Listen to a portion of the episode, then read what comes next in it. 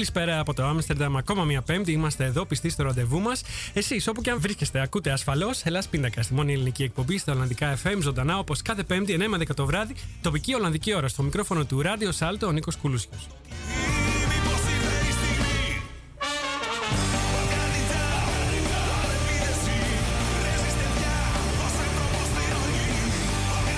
Εκπέμπουμε ζωντανά από το δημοτικό σταθμό του Άμστερνταμ. Υπάρχουν αρκετοί τρόποι για να μας ακούσετε live. Αν αγαπάτε το συμβατικό ραδιόφωνο και βρίσκεστε στο Άμστερνταμ, θα μας βρείτε στο Radio Salto 106,8 των FM και καλωδιακά στο κανάλι 103,3 πάλι και μόνο στην περιοχή του Άμστερνταμ. Ενώ διαδικτυακά μας ακούτε παντού στον κόσμο από το site μας elaspidacas.com με ένα κλικ στο κουμπί Listen Now.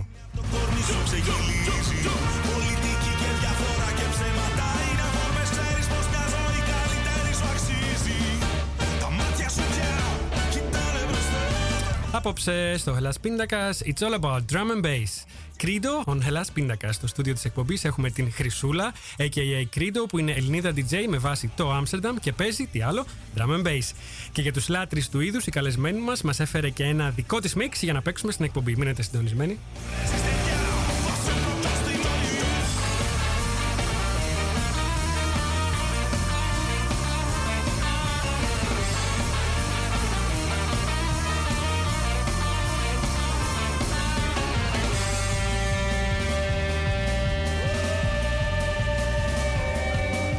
Αν είστε χρήστη των social media, θα μας βρείτε σε όλα τα κοινωνικά δίκτυα, στη σελίδα μας σε Facebook, Twitter και Instagram. Ενώ για να επικοινωνήσετε μαζί μας ζωντανά, μπείτε τώρα στη σελίδα μας στο Facebook, Hellas Πίνακα στο Facebook και αποστάρετε το σχόλιο σας εκεί, τις ερωτήσεις σας για τη χρήσα, σαν νέο post ή γράψτε μας μέσα στο Twitter χρησιμοποιώντας το hashtag Hellas και hashtag Credo. Το κομμάτι που ακούμε τώρα που δίνει μουσικά την έναρξη της εκπομπής κάθε Πέμπτη ανήκει στους Μπαίλτισα, λέγεται Balkan Ninja και ευχαριστώ την πάντα που μου το παραχώρησε για το Hellas Πίντακα.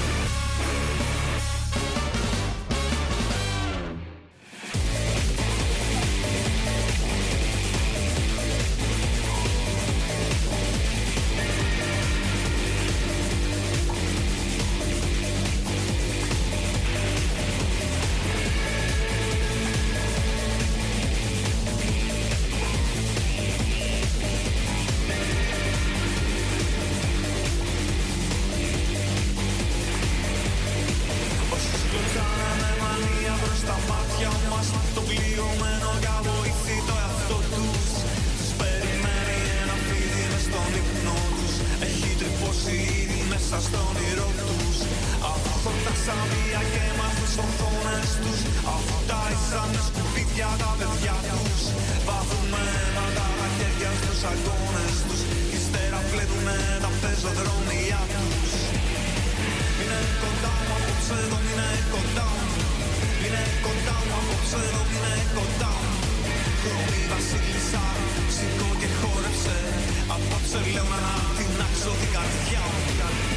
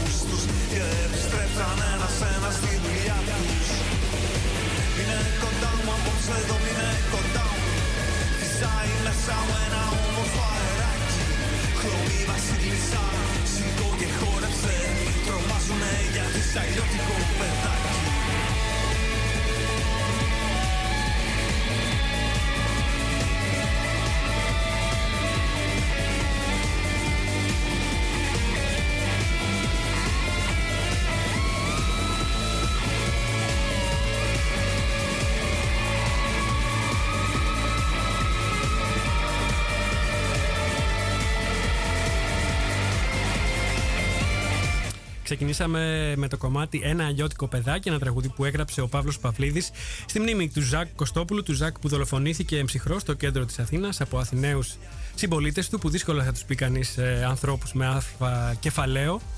Παγκόσμια μέρα του ύπνου σήμερα της πίστη, αλλά και Παγκόσμια μέρα κατά του ρατσισμού η σημερινή.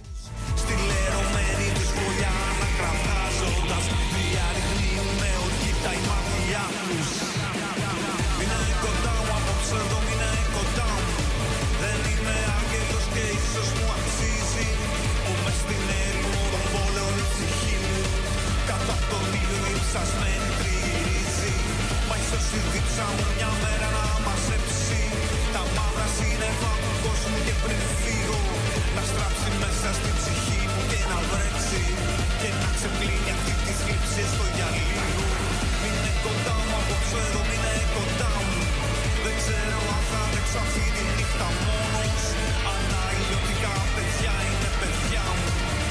Παγκόσμια μέρα κατά του ρατσισμού. Η σημερινή, όπως είπαμε, καλό είναι να αρχίσουμε να ξυπνάμε από τον ύπνο, γιατί είναι και Παγκόσμια ημέρα του ύπνου.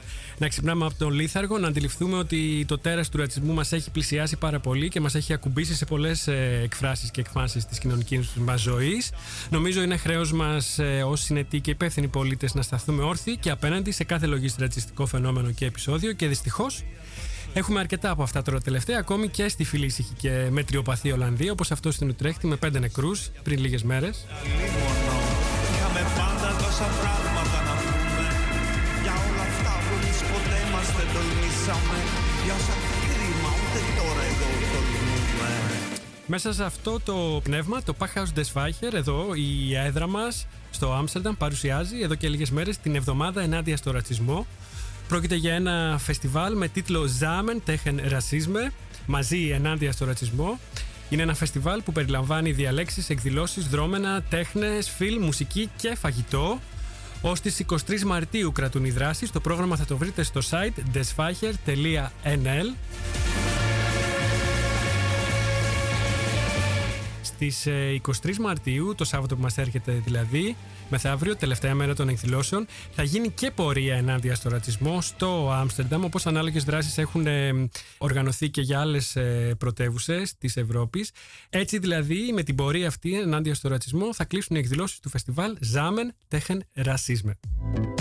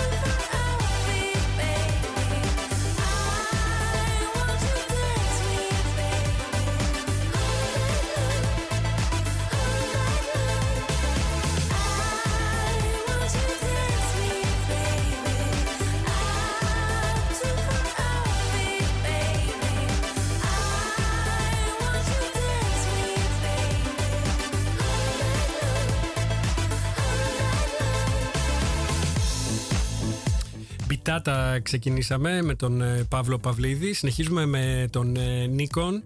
Ε, το κομμάτι λέγεται All Night Long, featuring Chloe Ann και ο Νίκον και η Chloe Ann ήταν εδώ στο φεστιβάλ του Ελλάς Πιντακάς, στο πρώτο φεστιβάλ του Ελλάς Πιντακάς και παίξανε ως μικρό φυσικά.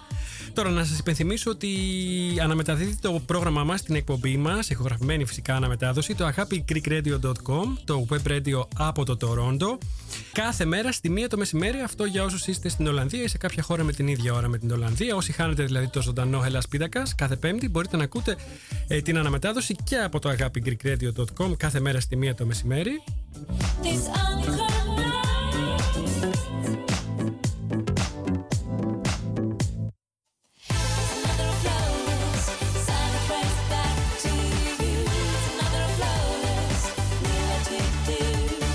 Όπως φυσικά όλες τις παλιότερες εκπομπές μας μπορείτε να τις ακούτε και μέσα από το site μας ελάσπιντακα.com από την ενότητα εκπομπές ή απλά μέσα από το κανάλι μας στο SoundCloud από όπου μπορείτε και να κατεβάζετε και να σώσετε στο αρχείο σας όποια εκπομπή σας ενδιαφέρει και σας αρέσει να την έχετε. Να σας πω και κάτι ακόμα ε, για την Τέτη Κασιόνη και τον Γιώργο Αθανασίου. Είναι φίλοι, φίλοι, φίλοι και φίλοι της εκπομπής, αλλά και φίλοι γενικά. At the Port of Amsterdam, μεθαύριο Σάββατο 23 Μαρτίου, γαλλικό ρεπερτόριο στη Χάγη. Θα βρείτε το event και στο facebook ως Dan Le Pod Amsterdam, αν το λέω καλά, French Music, σε παρένθεση. Περί τίνος πρόκειται; Η Τέτη και ο Γιώργος ερμηνεύουν γνωστά γαλλικά τραγούδια μόνο με φωνή και κιθάρα. Το ρεπερτόριο θα έχει τραγούδια των θρύλων Ζακ Πρέλ, Εντίθ Πιάφ, Δαλιδά, Σάρλ Ασναβούρ και πολλών άλλων. Στην ουσία, αυτό που θα δείτε και θα ακούσετε είναι η ιστορία του γαλλικού τραγουδιού μέσα σε μία βραδιά. At the Port of Amsterdam, μεθαύριο Σάββατο 23 Μαρτίου. Γαλλικό ρεπερτόριο στη Χάγη με την Τέτη Κασιόνη και τον Γιώργο Αθανασίου.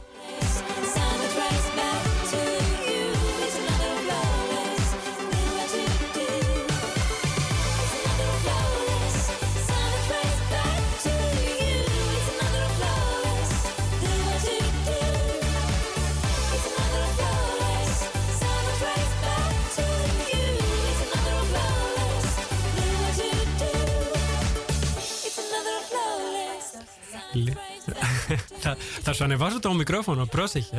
θα, σε... θα μιλάω γαλλικά. Σούπερ.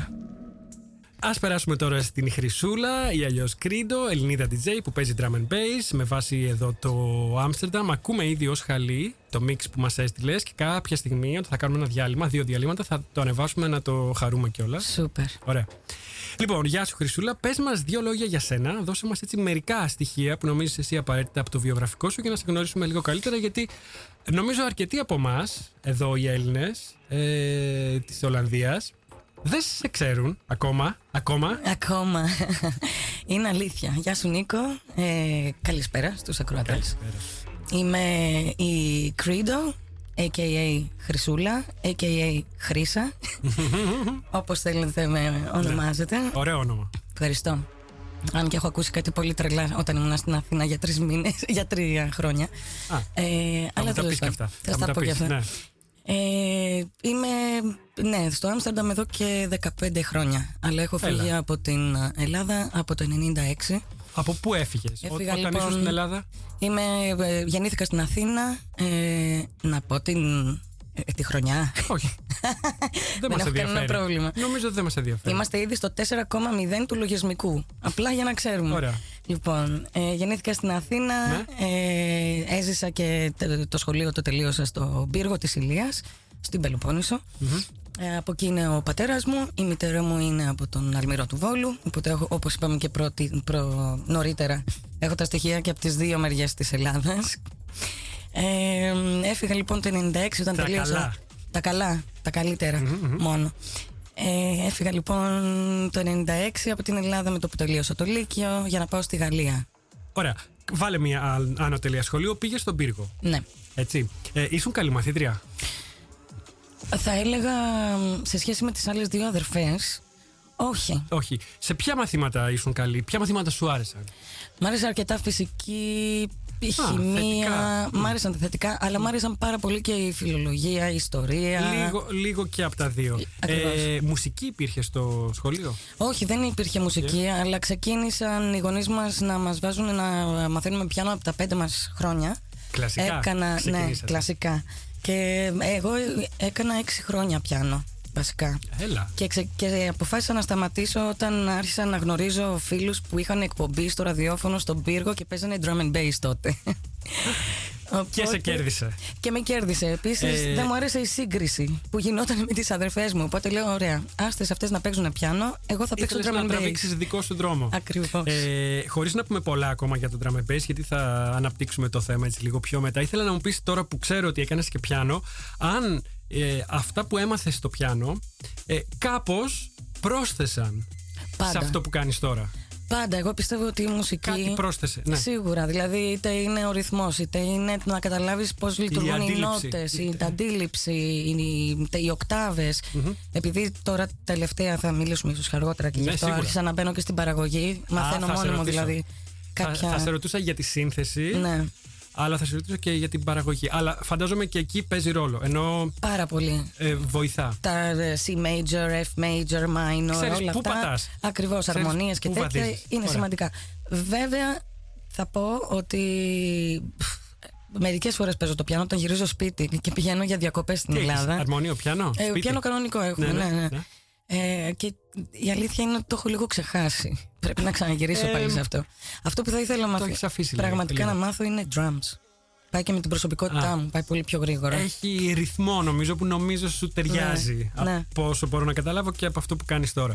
Ε, μ, θέλω να μου πεις αφού μιλήσαμε για τα παλιά, να μείνουμε λίγο εκεί, πότε πήγες στο πρώτο σου κλαμπ, αν θυμάσαι.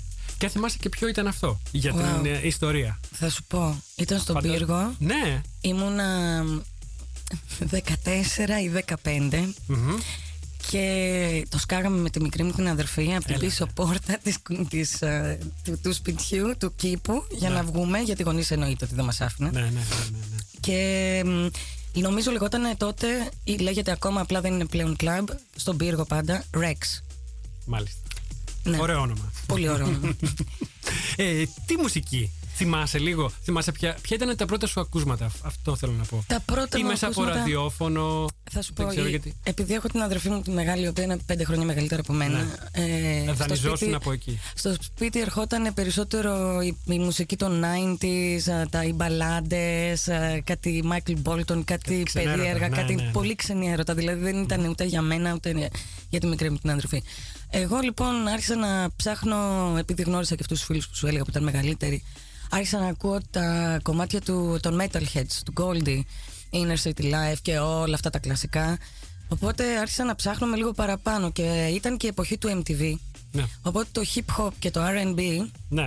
Ήταν ε, αρκετά ε, present. Ε, Νομίζω τότε είχαν αρχίσει να διαδίδονται και στον υπόλοιπο κόσμο. Εννοείται. Μέχρι, μέχρι τότε ήταν λίγο της Αμερικής συγκεκριμένων έτσι. Beastie Boys ε, και πιο πριν Salt and Pepper, Ναι, ε, CNC Music Factory, Snap. Να πω πω. Ε, Ή του Unlimited από εδώ. Του που Unlimited ήταν λίγο, από που εδώ. ήταν λίγο, ναι, ήταν λίγο πιο. λίγο πιο κιτσάτι, commercial. Λίγο ναι. πιο com- commercial. Συμφωνώ. Εσύ είσαι πιο κομψή, ναι.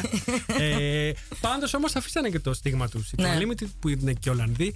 Ε, μάλιστα, ναι, ωραία. Άρα. Ε, το drum and bass, από ό,τι θυμάμαι την ιστορία που μας είπες πριν λίγο, το γνώρισες μέσα από το ραδιόφωνο στον πύργο; Μέσα από τους φίλους Από που την είχαν παρέα. βινίλιο, Ναι. ε, η παρέα ακριβώς, και είχαν ξεκινήσει μια μερατησιτεχνική, ερασιτεχνική το είπα σωστά, μπράβο τα ελληνικά μου, Ναι, ναι, ναι. Ε, εκπομπή στο ABC Radio Wow. FM στον Πύργο, το θυμάμαι ακόμα. ABC Πύργο. ABC Πύργος, δεν υπάρχει πλέον πια, εννοείται. Του. Ε, και ξεκίνησαν τα παιδιά λοιπόν να έχουν αυτή την εκπομπή. Έβλεπα τα βινίλια, έβλεπα τι έκαναν. Γύριζα μετά το σχολείο ή το έσκαγα λίγο από το σχολείο. Ναι. Και πήγαινα στα παιδιά το μεσημέρι να δω λίγο την εκπομπή. Ναι. Ε, Και έτσι αποφάσισα να σταματήσω το πιάνο και να, και να αρχίσω να ασχολούμαι λιγάκι περισσότερο και να ακούω περισσότερο αυτού του είδους τη μουσική ουσιαστικά. Ναι, ναι, ναι. Ε, μ, τι έχεις σπουδάσει; Τι έχω σπουδάσει. Λοιπόν, σε ξαναγυρίζω εγώ στο 96. Τώρα έχουμε φύγει από τον πύργο και έχουμε πάει στην Αθήνα, έτσι; Τώρα έχουμε φύγει από τον πύργο και Ναι. είμαστε το 96. Έχω τελειώσει το Λύκειο στον πύργο και έχω φύγει καπάκια για Γαλλία. Όπου εγώ έζησα Α. στη Γαλλία 6 χρόνια στον Πογντό. Πρώτα πήγες στη Γαλλία, μετά στην Αθήνα. Ε, θα Για- σου πω. Α, Πρώτα λοιπόν πήγα στη Γαλλία. Έμεινα 6 χρόνια εκεί. Ήταν ε, δική μου απόφαση να μην περάσω καν πανελλήνιες στην Ελλάδα. Δεν με ενδιέφερε να μείνω στην Ελλάδα. Είχα τη δυνατότητα λόγω των γονιών ευτυχώς ναι. να μ, μου ανοίξουν τις πόρτες και να μπορέσουν να με βοηθήσουν για να πάω στη Γαλλία να κάνω τις σπουδές μου όπου λοιπόν εκεί πήγα και τα δύο πρώτα χρόνια έκανα μ, γλώσσες γι' αυτό και μιλάω 8 γλώσσες αλλά είμαι fluent μόνο σε 6 με διπλώματα ναι. Τις, Πώς. βα- τις, βα- τις βασικές; τις βασικές, ναι τις μπανάλι λέω εγώ δηλαδή ελληνικά, τα βάζω και αυτά μέσα Ναι. Γαλλικά, αγγλικά, ιταλικά, ισπανικά, ολλανδικά πλέον όταν ήρθε εδώ Ναι. και ρώσικα, ιαπωνέζικα έκανα επίσης στη Γαλλία Αυτά, Ε, είναι, αυτά είναι έξτρα. Είναι τα ρώσικα, γιαπωνέζικα, είναι γλώσσες για αυτούς που έχουν. ε, Τα ρώσικα Κότσια. Ιαπωνέζικα. Θέλουν είναι- κότσια. Εντάξει. Α σου πω. Ε, τα το γιαπωνέζικα πλάνο μου νομίζω ακόμα περισσότερο γιατί. Είναι εύκολα. Ε, Ναι. Εμένα μου φαίνονται εύκολα. Όλες οι γλώσσες μου Τα φαίνονται ιδεογράμματα εύκολες. σου φαίνονται εύκολα. Επίσης. Όπως επίσης και ο τρόπος να σκεφτείς για να φτιάξεις μια, μια φράση στα Ιαπωνέζικα που είναι τελείως διαφορετική από τις άλλες γλώσσες. Ναι. Αλλά ναι, Άρα τα δύο... όταν έχεις έφεση σου φαίνονται, είναι, σου φαίνονται πιο βατά. Ξέρεις τι, Αυτό Ρενίκο, συμπεραίνω επειδή μου από το αυτό λένε που μου πολλοί λες. που με ακούνε, όπως όπω είπαμε και πριν, με ακούνε εδώ πέρα να μιλάω με τους Ισπανούς Ισπανικά, με τους Ιταλούς Ιταλικά, Ναι. με ρωτάνε από πού είμαι. Κανένας δεν βρίσκει ότι είμαι Ελληνίδα. Όλοι νομίζουν ότι είμαι Ισπανίδα πρώτα απ' όλα, μετά Ιταλίδα, μετά από την Αργεντινή και μετά από δεν ξέρω πού. Ναι. Ε, ε, δεν πιστεύω και γυρίζουν και μου λένε έχεις ταλέντο για τις γλώσσες. Πραγματικά δεν πιστεύω ότι κάποιος πρέπει να έχει κάποιο ταλέντο για τις γλώσσες. Είναι τελείως καθαρά motivation. Είναι δηλαδή, εάν σε ενδιαφέρει κάτι, όπως με την παραγωγή για τη μουσική. Αν Ναι. σε ενδιαφέρει, θα καθίσεις εκεί με Ναι. τις ώρες να μάθεις το πρόγραμμα και το λογισμικό για να Ναι. φτιάξεις κάτι. Έχεις δίκιο. Το πρώτο πράγμα είναι η θέληση, αλλά υπάρχουν και άλλα πράγματα. Δηλαδή αυτό που λέμε το αν τα παίρνεις, αν είσαι καλός με γραμματικές, με το να θυμάσαι λεξιλόγιο, όλα αυτά βοηθάνε. Αν τα έχεις, είναι ατού. Αν δεν τα έχεις, δεν είναι ότι δεν μπορείς να μάθεις μια γλώσσα.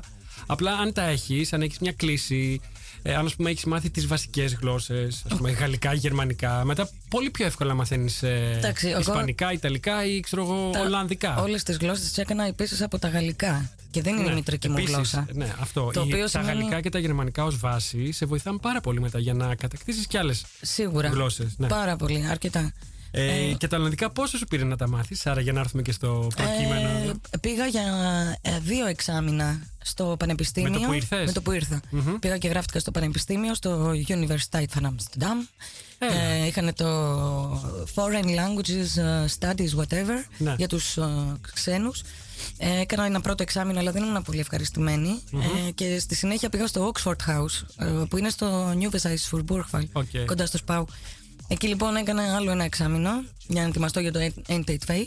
ναι. Και ε, μετά. η- Τις η- έδωσε τις εξετάσεις. δεν, τις- δεν, τις- με- δεν πήγα για τις εξετάσεις. Ούτε εγώ Ήταν, ήταν περισσότερο για να πάω σε καλύτερο ναι, ναι, ναι. επίπεδο. Ωραία. Ε, σε είχα ρωτήσει όμως και το πηδήξαμε λίγο τι σπούδασες; Να, Ναι. φτα- να φτάσουμε και σε αυτό. Λοιπόν, όταν λοιπόν. Φεύγεις από ήμουνα- τον πύργο, πας στη Γαλλία.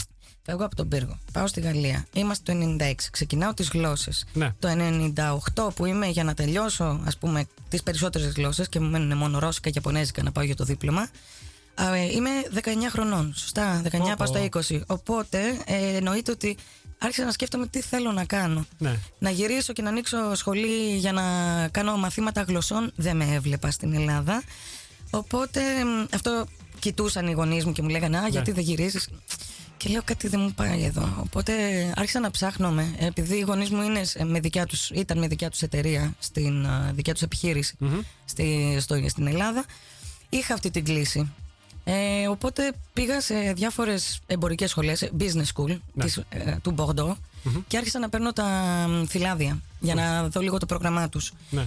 Ε, πήγα λοιπόν το καλοκαίρι πριν τελειώσω το, το 98 το Το καλοκαίρι. ήθελες. Το, το ήθελες, ήταν απλά κάτι που. Πάρα πολύ όμως. Το ήθελες. Ήταν δικιά μου απόφαση, θα σου πω τώρα. Α. Λοιπόν, πάω λοιπόν, γυρίζω καλοκαίρι για τις διακοπές Ναι. ε, στους, στη, στο πατρικό το σπίτι και έχω κάνει τη δικιά μου, το δικιό μου, τη δικιά μου επιλογή ε, των δύο business school που ήταν οι καλύτερες και που το πρόγραμμα ήταν καλύτερο για μενα Το πρόγραμμα επίσης, να κάνω μια παρένθεση, είναι ότι για μένα ήταν σημαντικό να μην είσαι μόνος στη θεωρία, ειδικά όταν έχει να κάνει Ναι. με business. Οι πάρα πολλοί βγαίνουν από τις καλύτερες ανώτατες εμπορικές σχολές που υπάρχουν, αλλά δεν έχουν καμία άποψη με την πραγματικότητα όταν πάνε να δουλέψουν. Και ιδίως στην Ελλάδα. Μένουμε πολύ στο Και, θεωρητικό. και στη Γαλλία μπορώ να σου πω. Α, ναι. Πάρα πολύ. Εδώ, εδώ τουλάχιστον ε, βλέπω ότι το πρακτικό μέρος, ιδίως με internships και stage και διάφορα, το προσ- προσπαθούν να το κρατάνε έτσι. Αρκετά δυνατά. Ενεργά, ναι. Ενεργό. Έτσι λοιπόν α, πήγα λοιπόν και είπα στους γονείς μου ε, εγώ δεν θέλω να γυρίσω, έχω Ναι. αυτές τις δύο σχολές, αυτές τις δύο επιλογές αυτή είναι η καλύτερη για μένα που ήταν ακριβώς αυτό το μισό χρόνο θεωρία, μισό χρόνο σταζ κανονικά σε Οκ. εταιρεία Ναι, ναι. από το δεύτερο έτος και μετά και μ, τους άρεσε το approach, τους άρεσε ο τρόπος με τον οποίο Ε, γιατί πήγα ήταν- και λέω ήταν ορίστε και- αυτό ήταν θέλω και business ε, minded. Και, ναι, και οι σαν, γονείς. business, σαν ένα business plan ας πούμε ε, και Την έτσι λοιπόν τελείωσες; ναι. Και έτσι λοιπόν ε, πέρασα τις εξετάσεις από το, τα. Δεν θυμάμαι πόσα άτομα ήταν στο σύνολο που δίναμε εξετάσεις, ήταν μόνο 60 θέσεις που μπαίναμε. Και τα κατάφερα, μπήκα και τα τελείωσα στα τέσσερα χρόνια όπως έπρεπε να τα τελειώσω. Όμως το Νταραβέρι με το Άμστερνταμ ξεκίνησε από το τρίτο έτος της σχολής μου. Ήταν η Από- πρώτη φορά που ήρθες στην πόλη; Αποφάσισα να κάνω Εράσμους από τη Γαλλία στην In Holland που είναι η business school εδώ στο Diemen, στο Άμστερνταμ. στο Diemen. Μμμ. Έτσι λοιπόν το τρίτο και το τέταρτο έτος, δηλαδή το πέμπτο και το έκτο έτος της ζωής μου στη Γαλλία ήταν έξι μήνες στη Γαλλία, έξι μήνες εδώ. Πρώτα για Εράσμους και στο τέταρτο έτος για το στάζ. Άρα από εκεί μπήκε το μικρόβιο για τη ζωή στο Άμστερνταμ. Το ε, μικρόβιο του drum and bass για να το. ως επάγγελμα. Mm-hmm. Ω κάτι που θα κάνεις και θα βγάζεις και χρήματα ίσως από αυτό. Πότε, πότε μπήκε στη ζωή σου; Όταν λοιπόν εγώ ήμουνα στη σχολή το πρώτο έτος στη Γαλλία γνώρισα κάτι παιδιά ε, που έγιναν πολύ καλοί μου φίλοι και είμαστε ακόμα φίλοι μετά από 20 χρόνια, ναι. 21 πλέον ε, οι οποίοι είχαν ένα sound system και δεν έπαιζαν drum and bass. Ε, τότε στη Γαλλία ήταν πάρα πολύ μεγάλο το techno. Όλα τα free techno parties, ε, σε, ε, και στο Βέλγιο το I Love Techno. Ναι, ναι, ναι. Ε, ε τότε ήταν πάρα πολύ μεγάλη αυτή η σκηνή. Έτσι λοιπόν άρχισα να είμαι με τους φίλους να κατεβάζουν τα sound system, να παίζουν μουσική. Μέχρι τότε δεν είχες ξαναπέξει. Μέχρι τότε δεν είχα ξαναπέξει. Ούτε στο ραδιόφωνο που μας είπες. Όχι, δεν πύργο. είχα ξαναπέξει. Δεν είχες παίξει η ίδια. Όχι, ούτε είχα Dex, ούτε είχα βινίλιο, ούτε είχα τίποτα. Ναι. Αρχίζω λοιπόν να μπαίνω το 98 ε, το μικρόβιο αρχίζει λοιπόν ναι. να, ναι, ναι, να αναπτύσσεται. Ναι, ναι, ναι, ναι, Και ε, πρώτα απ' όλα είχα ξεκινήσει να είμαι σε διαδικασία στο τρίτο έτος λοιπόν γιατί έφυγα για Εράσμους. Είχα ξεκινήσει να σκέφτομαι τι θέλω να κάνω στη ζωή μου μετά. Και να μείνω στη Γαλλία μιλώντας ήδη 7 γλώσσες για μένα η Γαλλία δεν ήταν πλέον επιλογή μετά από έξι χρόνια. Κοίταξε, ξέρεις τι, μιας που το, και το ανέφερες τώρα, η Γαλλία δεν είναι ιδιαίτερος πολυφωνική χώρα. Τώρα έχει αλλάξει λιγάκι, αλλά τότε φαντάσου καθόλου. Αν μπορούμε να το πούμε πολυφωνική. Ε, καθόλου ε, όμως. Ω προς τις γλώσσες εννοώ. Ναι. ναι, ναι, ναι. Δεν ήταν. Ήταν όπως η Γερμανία. Δηλαδή μάθανε γαλλικά γιατί έτσι έπρεπε και από εκεί και πέρα άντε ίσως καμία από τις ε, αραβικές, αφρικανικές αν έκανες παρέα. Καθόλου. Με, αλλά ούτε αυτό. Ε. Καθόλου ούτε αυτό, ναι. καθόλου. Αλλά ε, τέλος πάντων. Άρα αυτό σου έλειπε στη Γαλλία. Ε, στη Γαλλία μου έλειπαν οι γλώσσες και όταν ήρθα εδώ για το Εράσμους και ήμουνα σε ένα student flat. Global Village. Που μιλούσα και έκανα το, τη μετάφραση μεταξύ Γάλλων, Ισπανών, Ιταλών, γιατί κανένας τους δεν μιλούσε αγγλικά και ήμουνα η μόνη. Ε, οπότε, ναι, ταυτόχρονα και όπως είπαμε πριν, έμαθα τις γλώσσες μου βασισμένη στα γαλλικά, όχι στη μητρική μου γλώσσα τα ελληνικά. Αυτό με βοήθησε να πηγαίνω από τη μία γλώσσα στην άλλη χωρίς να σκέφτομαι ναι, Ξέρεις, στα, γιατί, να, στα ελληνικά. Ναι, ναι, η απόσταση είναι πολύ μεγαλύτερη με τα ελληνικά από ότι ας πούμε... Ναι, ναι, ναι. Ε, οπότε πήρα την απόφαση πρώτον να φύγω από τη Γαλλία, δεύτερον να άρχισα Άρα να παίζω... τελείωσε η πρακτική. Τε, τελείωσε η πρακτική, γύρισα στη Γαλλία, πήρα το δίπλωμά μου. Ναι. Πήρα τα μποκαλάκια μου. Και πόσο ε, καιρό σου πήρε; το σπίτι εκεί και έφυγα και ήρθα Σχεδόν εδώ. αμέσως. Κατευθείαν. Εγώ τελείωσα τον Ιούλιο, πήρα το είχες δίπλωμά μου. Σπίτι, είχες δικό σπίτι, Είχα, ναι, είχα δικό μου σπίτι mm. στο, στον Πόρντο. Ε, τον Ιούλιο τελείωσα, πήρα το δίπλωμά μου, ε, το έβαλα για πώληση στο σπίτι, πωλήθηκε, ε, έφυγαν τα έπιπλα και τον Σεπτέμβριο ήμουνα εδώ. Ωραία. Το 2002 δηλαδή πλέον το 2002, μόνιμα. Πλέον μόνιμα. μόνιμα. Ε, Πώς τα βρήκες όταν ήρθες εδώ τα πράγματα, Κάτσε να σου, τελειώσω, ναι, να ναι, σου τελειώσω αυτό που μου έλεγες για το drum and bass, το μικρόβιο. Γιατί... Α, ναι, ναι. Ξεκίνησα λοιπόν να. Θα ξανάρθουμε στο drum and bass. Αλλά ε, την ιστορία, ναι, να μας να μας την ολοκληρώσεις. Ξεκίνησα λοιπόν με αυτούς τους φίλους που έχουν το sound system. Έβλεπα πώς παίζουν, τι κάνουν. Καμιά φορά έμπαινα κι εγώ και προσπαθούσα να καταλάβω.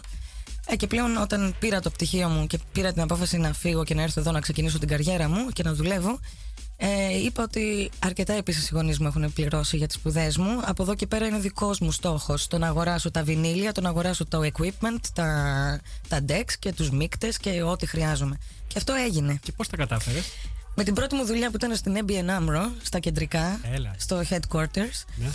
Ο πρώτος μισθός ήταν. Στα αγγλικά όμως δούλευες. Ε, με είχαν πάρει για τους Έλληνες πελάτες που είχαν τότε, αλλά έμαθαν ότι μιλάω και τις υπόλοιπες γλώσσες και κατέληξα να έχω πέντε χώρες να ασχολούμαι. Αυτό είναι η ιστορία της ζωής μου σε όλες τις δουλειές που έχω κάνει. Ε, έτσι λοιπόν, πρώτος μισθός, πρώτο deck και κάποια βινίλια. Δεύτερος μισθός, δεύτερο deck. Από το Rotterdam θυμάμαι το είχα πάρει το δεύτερο το deck. Ναι. Και... Γιατί ήταν πιο φθηνό; Όχι, απλά τον, έτυχε. τον ε, έτυχε να τον βρω εκεί αυτός που το πουλούσε. Ε, και λοιπόν έτσι ξεκίνησε. Το 2005 Μεταχειρισμένα λοιπόν, ήταν τα πρώτα σου Το πρώτο ήταν ε, ε, καινούριο. Και αυτός από το Ρότερνταμ το είχε στο σπίτι και είχε παίξει κανένα δύο φορές. Δηλαδή και αυτό καινούριο σχεδόν ήταν. Και υπάρχουν ακόμα Ε, έτσι λοιπόν ξεκίνησα, άρχισα να παίζω μόνη μου και να μαθαίνω μόνη μου. Και με το που γυρίζω από δουλειά, ξεκλεινόμουν στο δωμάτιό μου και στο στούντιό μου και απλά έπαιζα. Και ε, τελικά γνώρισα ε, το παιδί που ξεκίνησε το Cheeky Monday, που είναι ένα πάρτι το οποίο γίνεται τώρα στο yeah. Ναι. Melkweg πλέον. Yeah, ναι, Τότε yeah. Ναι, ήταν στο Winston. Και ξεκίνησα λοιπόν το, το, 2000. Στη Βάρμουστρατ. Στη Βάρμουστρατ. Που ναι. έκλεισε. Έγινε ξενοδοχείο, τι έγινε τώρα, κάτι τέτοιο. Ένα πολύ τουρι, τουριστάδικο εμένα μου ναι. έκανε, αλλά είπα, βαρούσε όπω λέγαμε και στα ελληνικά, κάθε φορά που περνούσα απ' έξω. Και έτσι ξεκίνησα το residency σαν drum and bass DJ Αχα. στο Άμστερνταμ το 2005 στα Chicky Monday στο Winston. Και μετά σε άλλα πάρτι. Και ωραία η αρχή, η αφετηρία σου. Δηλαδή, ναι, και, και ω ιστορία, αλλά και, και ενδιαφέρουσα αφετηρία είχες. Το, το πάνε να παλεύεις. Αν έχεις ένα όνειρο, ναι. είναι να το κυνηγάς. Και ναι. πολλές φορές θα πέσεις ή θα πέσει και το όνειρο. Δεν πειράζει. Πώς το βρήκες το Άμστερνταμ όταν ήρθες, Ήταν αυτό που είχες φανταστεί, είχες ονειρευτεί; Αυτό που είχα φανταστεί και είχα ονειρευτεί, ναι, γιατί το είχα ζήσει δύο χρόνια για έξι μήνες ναι. και από άποψη φοιτήτριας. αλλάζει σχεδόν κάθε χρόνο και, και μερικές φορές και ραγδαία κιόλας. Δηλαδή από, από τη μια χρονιά στην άλλη αλλάζει και σχεδόν η καθημερινότητα. Ναι, συμφωνώ. Δεν ξέρω άμα το. Όμως τότε, ναι. το, 2000. Ήταν τα πράγματα πούμε, ακόμα αγνά; Ήταν πολύ αγνά. Ε, και μπορώ να και πω πολλές ιστορίες. Και πάρα πολύ. Και, ναι. πάρα πολύ. Ενώ τώρα; Ε, τώρα θυμάσαι ένα debate ε, ε, που υπήρχε πριν από κάποιους μήνες που λένε τι έχει μείνει πλέον να κάνουμε στο Άμστερνταμ; Πολύ ωραία ερώτηση. Ήταν ένα Ολλανδικό debate που έκαναν. Δεν θυμάμαι σε ποιο μέρος. Ήταν πολύ σωστό. Πολύ τρική ερώτηση, είναι αλλά. σωστό. On, κέρια, on, δηλαδή, point. on point. Ναι. Και ε... η αλήθεια είναι, ναι, συμφωνώ μαζί σου ότι έχει αλλάξει πολύ. Ε, έχει γίνει. Commercial, έχει γίνει gentrified, over gentrified, super gentrified. Και δηλαδή... conservative. Αυτό.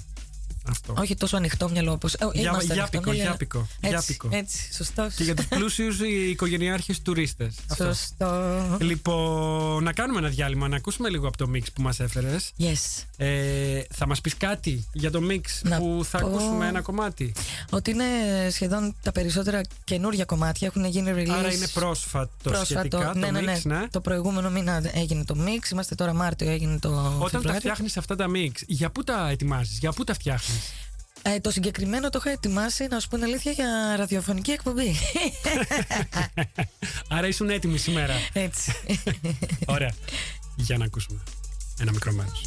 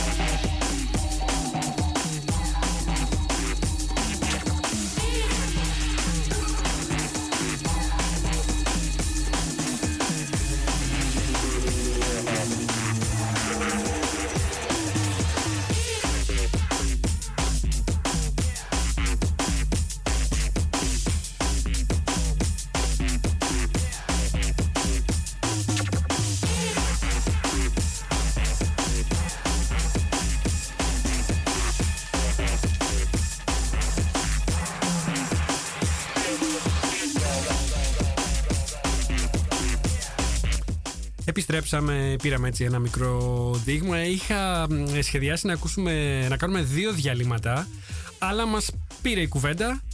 Ε, παρεμάζωμα, μας άρρωσε. λοιπόν, ε, έχουμε, έχω στο στούντιο του Hellas Πίνακα την Κρίδο, την Ελληνίδα DJ που ζει στο Άμστερνταμ και παίζει drum and bass. Χρυσούλα στα ελληνικά, χρήσα. Και συζητάμε, συζητήσαμε για τη ζωή στην Ελλάδα και στην Ολλανδία. Ήθελα να σου ρωτήσω ένα μόνο πράγμα Ναι. που το είχα αφήσει από πριν. Ήθελα να μου πεις αν πιστεύεις ότι η ζωή είναι πιο ελεύθερη, ελεύθερη από περιορισμούς, όπως το καταλαβαίνεις, όπως το νιώθεις αυτό που σου λέω, ε, στην Ελλάδα ή στην Ολλανδία; Πού είναι η ζωή πιο ελεύθερη, νιώθεις; Συνεχίζω να λέω ότι είναι εδώ, Ναι. στην Ολλανδία.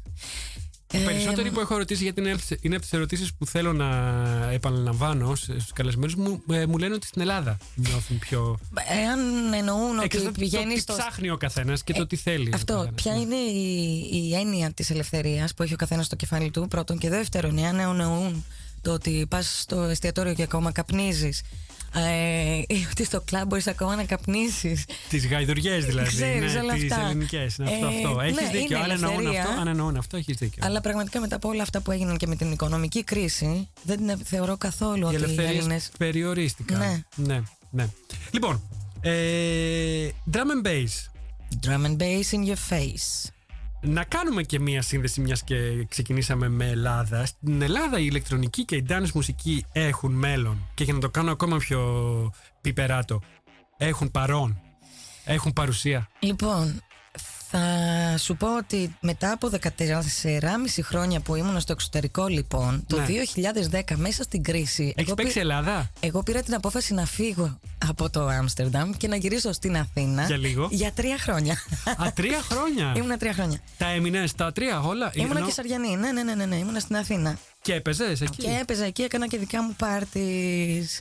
Με όνομα, με, τίτλο; Με τίτλο ήταν ε, τα Drum and Bass Warfare, DNB Warfare. Α. Και δούλευα και με άλλα παιδιά. Και αυτό λοιπόν είναι ο σύνδεσμος σε αυτή Πες την μου. ερώτηση που Ναι. μου έκανες Άρα εσύ. υπάρχει παρουσία. Υπήρχε αρκετή παρουσία. Ε, υπάρχει λιγότερη παρουσία διότι όλο αυτό με την κρίση δεν βοήθησε καθόλου. Και επίσης στο drum and bass υπάρχουν ε, τουλάχιστον δύο μεγάλα ονόματα. Μεγάλα για μένα τουλάχιστον, γιατί έχουν κάνει και να καλά ακουστούν, releases. Να μας τα πεις. Η Δυσφόνια, ο Γιώργος και ο Κώστας, δύο παιδιά τα οποία ξεκίνησαν με το Function Crew. Άμα το θυμάσαι, έκαναν parties, α, free parties, α, όπως επίσης νομίζω έπαιζαν... Free parties. Free parties έπαιζε ο Χάρης Function, ο οποίος είναι και ο, ο μεγαλύτερος, ας πούμε, ο μπαμπάς των Function και είναι πολύ καλός φίλος. Ε, Έπαιζε και στο Άλσος. Στο Να Άλσος. θυμάσαι τα Sunrise και όλα αυτά. Εγώ δεν έχω πάει ποτέ εντωμεταξύ. Το άλλο χάσα. ήταν στο. Στο, Πού πα- είναι στο αυτό; παρκό. Το πάρκο, μπράβο. Ε, πεδίο του Αρέω. Thank you. Έτσι ακριβώς. Έχω πάει σε ένα πάρτι. Γιατί εγώ πρώτα πέρασα Αθήνα, Αχα. πήγα για μια χ- χρονιά και είδα και έζησα όσα δεν είχαμε πάνω. Στη Θεσσαλονίκη οπότε τα πέρασα όλα. Είδες. Θυμάμαι ότι γινόταν πανικός στο Άλσος. Δηλαδή τέτοιο πάρτι δεν είχα ξαναδεί μέχρι τότε γιατί δεν είχα βγει και εξωτερικό. Σε κάποια φάση αυτό που Φυσικά. έγινε στην Αλλά Αθήνα και αυτό που έχω μόνο να καταθέσω ως μαρτυρία είναι ότι τώρα πλέον και από, κόσμο, που- και από κόσμο που τότε το είχε ζήσει μαζί μου το πάρτι εκείνο ε, και συνεχίζει να μένει στην Ελλάδα, όχι εγώ που έφυγα, αλλά και εγώ που πάω και βλέπω λίγο και ακούω, δεν έχω δει τέτοια πάρτι. Δηλαδή νομίζω γίνανε και δεν θα ξαναγίνουν. Αυτή είναι την εντύπωση έχω. Συμφωνώ μαζί σου διότι εγώ αυτό που είδα το 2010 και το 2013, ε, μέχρι το 2013 Ναι. είναι ότι υπήρξε λίγο υπερκορεσμός. Οκ. Η κρίση, όλα αυτά δεν μας βοήθησαν. Όπως επίσης και η νοοτροπία λιγάκι δεν βοηθάει. Διότι όταν προσπάθησα εγώ να πάω να μιλήσω με κλαμπs με τα παιδιά για να κάνουμε parties, πάντα άκουγες το ίδιο πράγμα από τους promoters. Ότι σου έλεγαν, μα το drum and bass στο κοινό δεν πίνει, δεν τα σκάει στο μπαρ, δεν έρχεται μέσα με τις μπύρες, με τα ούζα, με τα κρασιά. Και είναι αλήθεια. Οπότε όλο αυτό επίσης δεν βοηθάει λίγο τη σκηνή. Και μ, Πού να ε, τα βοηθήσει; παιδιά βέβαια συνεχίζουν να κάνουν πάρτις. Μμμ, μμμ, ωραία. ο Ίνσομ είναι ένας άλλος ο οποίος είναι παραγωγός. Ωραία. Λοιπόν, ε, θα μας πεις λίγα πράγματα για την ιστορία του drum and bass. Επιγραμματικά, από πού ξεκίνησε, ήθελα να σε ρωτήσω, ε, θεωρείται η μετεξέλιξη κάποιου προγενέστερου είδους και αν υπάρχει κάποιο μουσικό είδος που είναι η βάση όλης της dance μουσικής. Σου βάζω Κοίταξε να δεις, ξεκίνησε πάρα με πολλά. τα, με τα jungle, σωστά. Και Το jungle Ωραία. τότε, τη δεκαετία του 90. Ποια είναι η βάση όμως το μουσικό είδος που λειτουργεί ως βάση για όλη την dance μουσική; Είναι η disco αυτό που είχα διαβάσει κάποτε, ισχύει; Εγώ δεν νομίζω. Νομίζω ότι υπάρχουν influences και.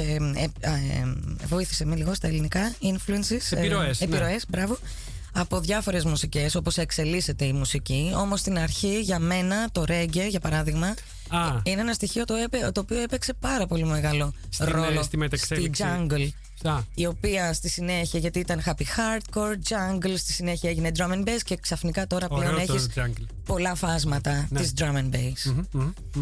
Ε, άρα από πού δανείζεται στοιχεία μας είπες ήδη.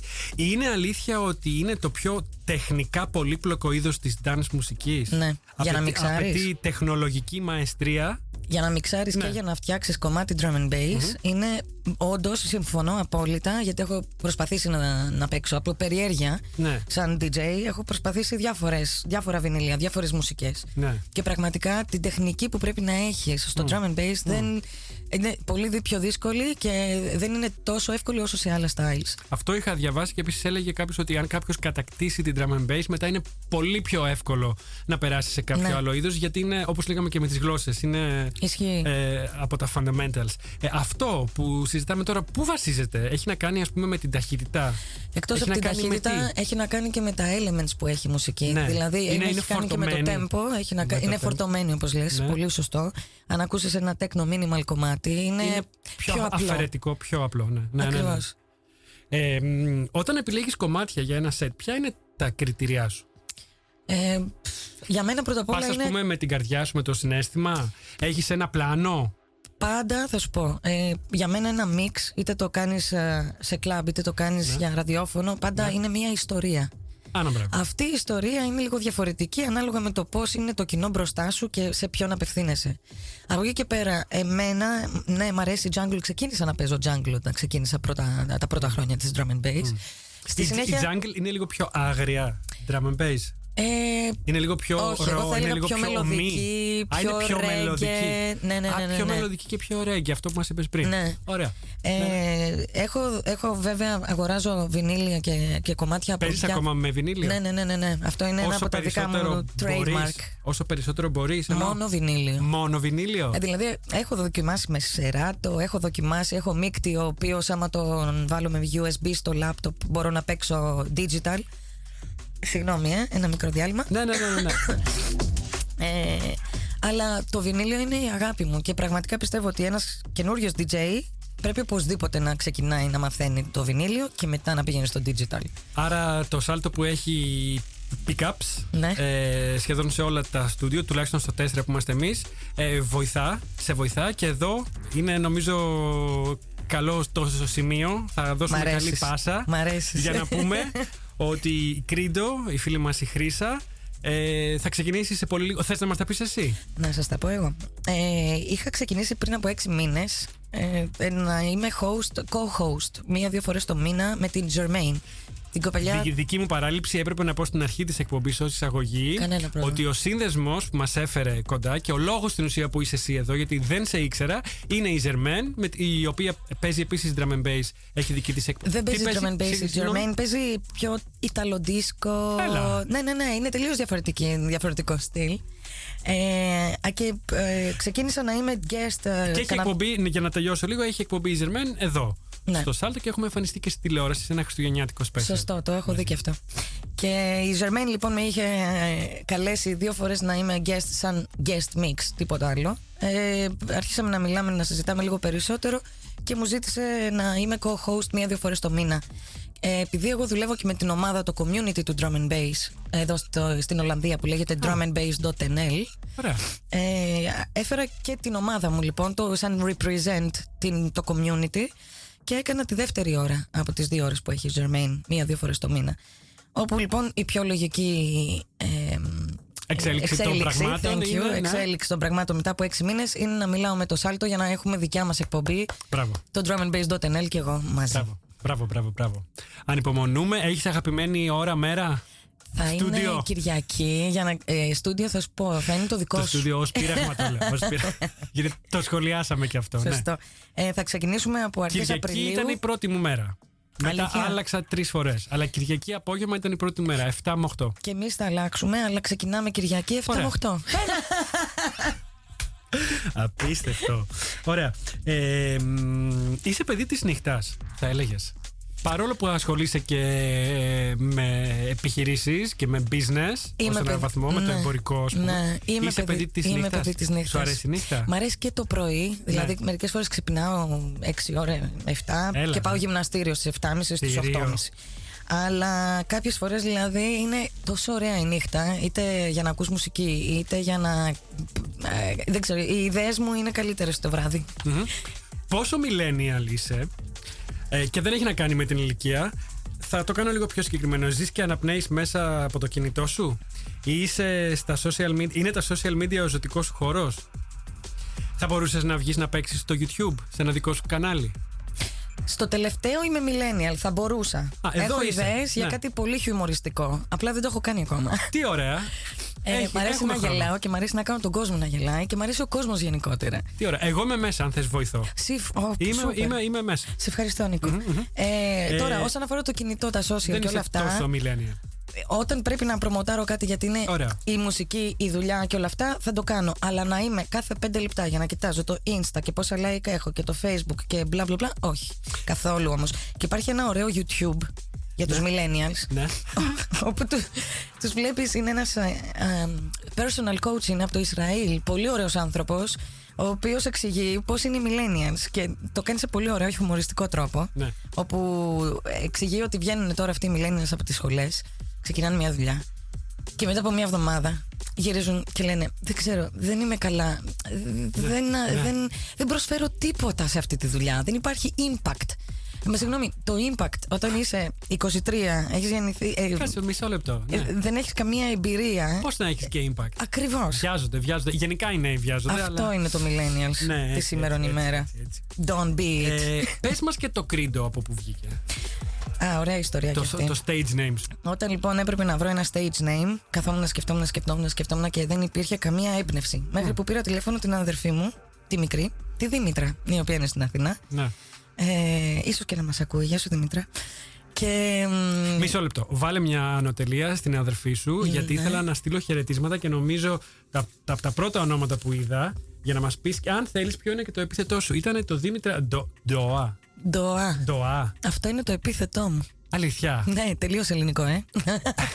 Μοιάζει να είναι ε, ε, Γαλλικό. συντονιμία κάπου, κάποιου άλλου. Α πούμε, πώς το, το Παπαδόπουλος το κάνανε Πάπας στην Αμερική. Ε, άρχισα Κάτι να, ψ- τέτοιο. άρχισε να Ντοά. ψάχνει η αδερφή μου, η μικρή, Με κάποια τον τόνο στιγμή. στο Α. Ναι. Γαλλικά. Ναι. Γαλλιστή. Ναι. Ωραία. Να στείλουμε χαιρετήματα στην Δήμητρα, στην αδερφή σου, που αν μας ακούει, μας ακούει από την Αθήνα. Ίσως μας ακούει αυτή τη στιγμή και είναι στην Αθήνα. Σωστά. Ωραία. Να στείλουμε επίσης χαιρετήματα στην Εύα Πυρνοκόκη, στον Παναγιώτη Κενανίδη, φιλό σου, ο Παναγιώτης Κενανίδης. Γιατί είναι, και, είναι καινούριο όνομα. Μπορεί. Έχω και γύρω Κενανίδης. στα 2.000 κάτι άτομα στο Facebook. Έλα. και λίγα είναι. και επίσης. Μισό λεπτό. Το χάσα. Δεν πειράζει. Έχουμε άλλα πιο σημαντικά να πούμε. Εύα Παναγιώτης, Δήμητρα, είδες; ναι. Άλλος, Ναι. άλλη; Δεν ξέρω. Πού είναι; Δεν τα έχω έτοιμα. Έχει περάσει και η ώρα τώρα. Και είμαστε και στο τέλος και αγχώνομαι. Λοιπόν, ήθελα να σε ρωτήσω. ε, αν, ναι, το τελευταίο, γιατί μου είπες κάτι πριν για την παραγωγή. Αν γράφεις και δικά σου κομμάτια, αν σε ενδιαφέρει η σύνθεση και αν σε ενδιαφέρει να παράγεις στην ουσία δικό σου ήχο. Ναι. Πες μας όμως για τη σύνθεση, πες μας και για την παραγωγή που θέλεις. Με ενδιαφέρει η παραγωγή ε, γιατί είναι το πιο λογικό πράγμα αφού έχεις κάνει DJing, έχεις παίξει σε gigs. Μ' αρέσει αυτή η εξέλιξη και την έχω ξεκινήσει να το παλεύω δηλαδή και να μαθαίνω το λογισμικό και τα λογισμικά μόνη μου από αυτό το καλοκαίρι ουσιαστικά. Είναι πολύ πρόσφατο. Ο λόγος είναι ότι είχα, όπως σου είπα, διπλή ζωή. Εγώ είχα και Ναι. δουλειά Γιατί λες account. είχα; Είχα διότι πήρα επίσης μία απόφαση αυτό το καλοκαίρι να Α. πάρω ένα sabbatical για να καταλάβω πού θέλω να πάει η καριέρα μου και τι ακριβώς θέλω να κάνω. Για τη μαμά μου που ακούει και δεν μιλάει αγγλικά, το sabbatical είναι κάτι σαν ε, μ, ε, άδεια. μ, Όχι, δεν είναι άδεια. ανε- είναι... ανε- ανεφαποδοχών. Όχι, Δεν το είναι λέω σε, άδεια. σε πολλά Ε, εισαγωγικά. Κάνεις ένα διάλειμμα, Είναι από την διάλειμμα. καριέρα σου. Είναι διάλειμμα. Για να κάνεις κάτι άλλο είναι ή να ξεκουραστεί κτλ. Αυτό. Είναι, είναι διάλειμμα, δηλαδή θα επιστρέψεις; Είναι διάλειμμα και σκέφτομαι να επιστρέψω. Το σκέφτεσαι. Το σκέφτομαι γιατί ο ένας από τους λόγους και η στρατηγική ήταν ότι θέλω να πάω σε κάτι άλλο πιο high level, πιο δημιουργικό. Γιατί αυτό Α, που ναι. έκανα πριν ήταν ε, πιο. ήμουν account director. Δηλαδή έχει να κάνει με. Ε, Πώς να το πούμε τώρα αυτό. Διαχείριση. Ενός διαχείριση λογαριασμού των πελατών. των πελατών, αλλά σε, ε, α- σε λίγο πιο high level ουσιαστικά επίπεδο, μέσα σε τηλεπικοινωνίες. Ήταν B2B Α, το environment. Business to business, Business μάλιστα. to business. Οπότε αφού το έκανα όλο αυτό 11 χρόνια, συν και τα gigs και τα parties και όλα αυτά, δεν υπήρχε χρόνος για παραγωγή λοιπόν για να ξαναγυρίσουμε στην Ναι, ερώτηση. ναι. Και ένας από τους λόγους λοιπόν που ήθελα να κάνω το διάλειμμα είναι πρώτον θέλω να αλλάξω την καριέρα μου και δεύτερον θέλω να έχω λίγο περισσότερο χρόνο για το τι θα κάνω με τη μουσική μου. Μμμ, μμμ. Ε, εκτός από drum and bass, ε, τι άλλη μουσική ακούς, ποια άλλα είδη ακούς; Ε, ακούω τα πάντα. Πραγματικά ακούω Ελληνικά τα πάντα. ακούς; Ελληνικά, όχι, δεν ακούω. Όταν καψουρεύεσαι, βάζεις το τέρμα drum and bass; Ε, ναι. Αλήθεια; Liquid drum and bass. Αλήθεια; Yes.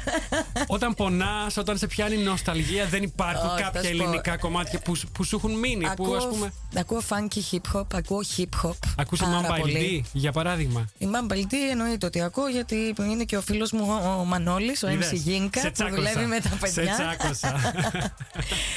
Αλλά γενικά όχι, μ, αρέσει, μ' αρέσουν όλα τα ακούσματα. Μ' αρέσει πάρα πολύ το jazzy hip hop.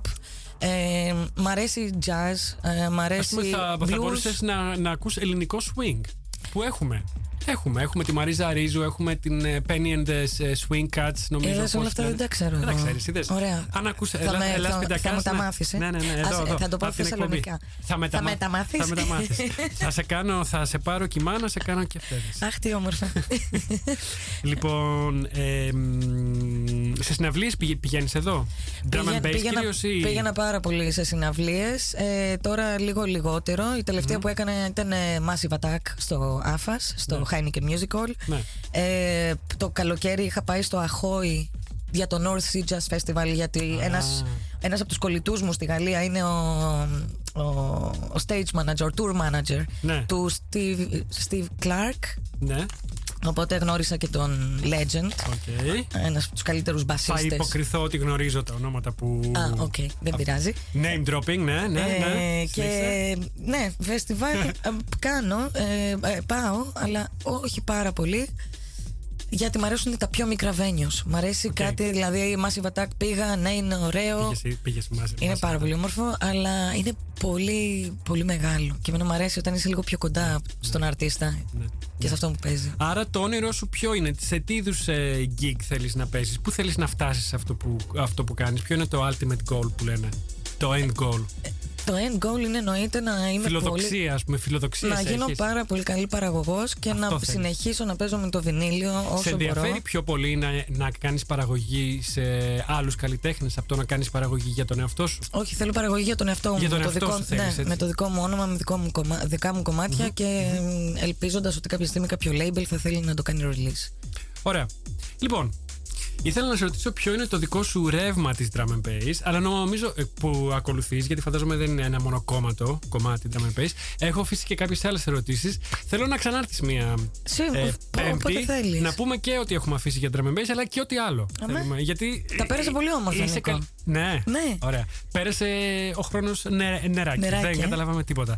Λοιπόν, σε ευχαριστώ πολύ, Χρήσα. Ευχαριστώ Κρίντο εσένα. που ήσουν εδώ γιατί μας δόθηκε ευκαιρία ως εκπομπή ε, και να σε γνωρίσουμε αλλά και να παίξουμε και drum and bass που δεν είναι από τα είδη που παίζουμε συχνά. Άντε να έχω παίξει ίσως κάνα δύο κομμάτια στο παρελθόν.